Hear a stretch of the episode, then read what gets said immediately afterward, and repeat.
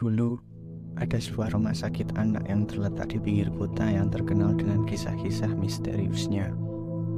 Konon, ada beberapa pasien yang meninggal secara tiba-tiba dan hingga kini penyebab kematiannya masih menjadi misteri.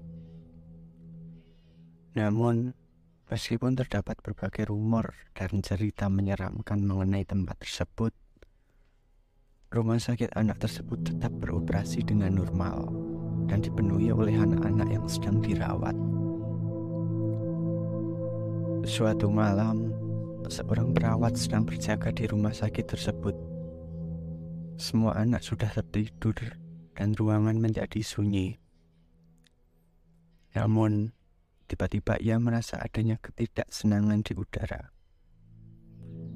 Ia merasa seperti diawasi oleh seseorang atau sesuatu.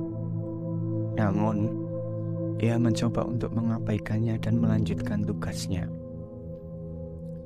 Beberapa jam kemudian, suara tangisan bayi terdengar dari salah satu ruangan kosong.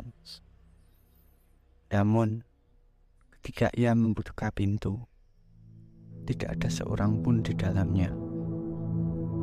Suara tangisan itu semakin keras dan terdengar seperti berasal dari seluruh rumah sakit. Perawat tersebut mulai merasa takut dan berlari ke ruangannya untuk mencari bantuan. Namun, ketika ia membuka pintu, ia disambut oleh bayangan hitam yang menyerupai seorang anak kecil. Perawat tersebut berusaha untuk melarikan diri, namun bayangan itu selalu mengikutinya dan terus-menerus mengeluarkan suara tangisan bayi.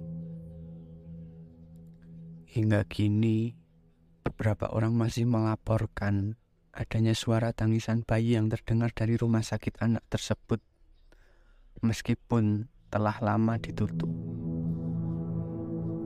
Ada yang mengatakan bahwa roh-roh pasien yang meninggal masih menghantui tempat tersebut dan mencari keadilan. Namun, cerita ini hanya menjadi misteri dan belum pernah terbukti kebenarannya.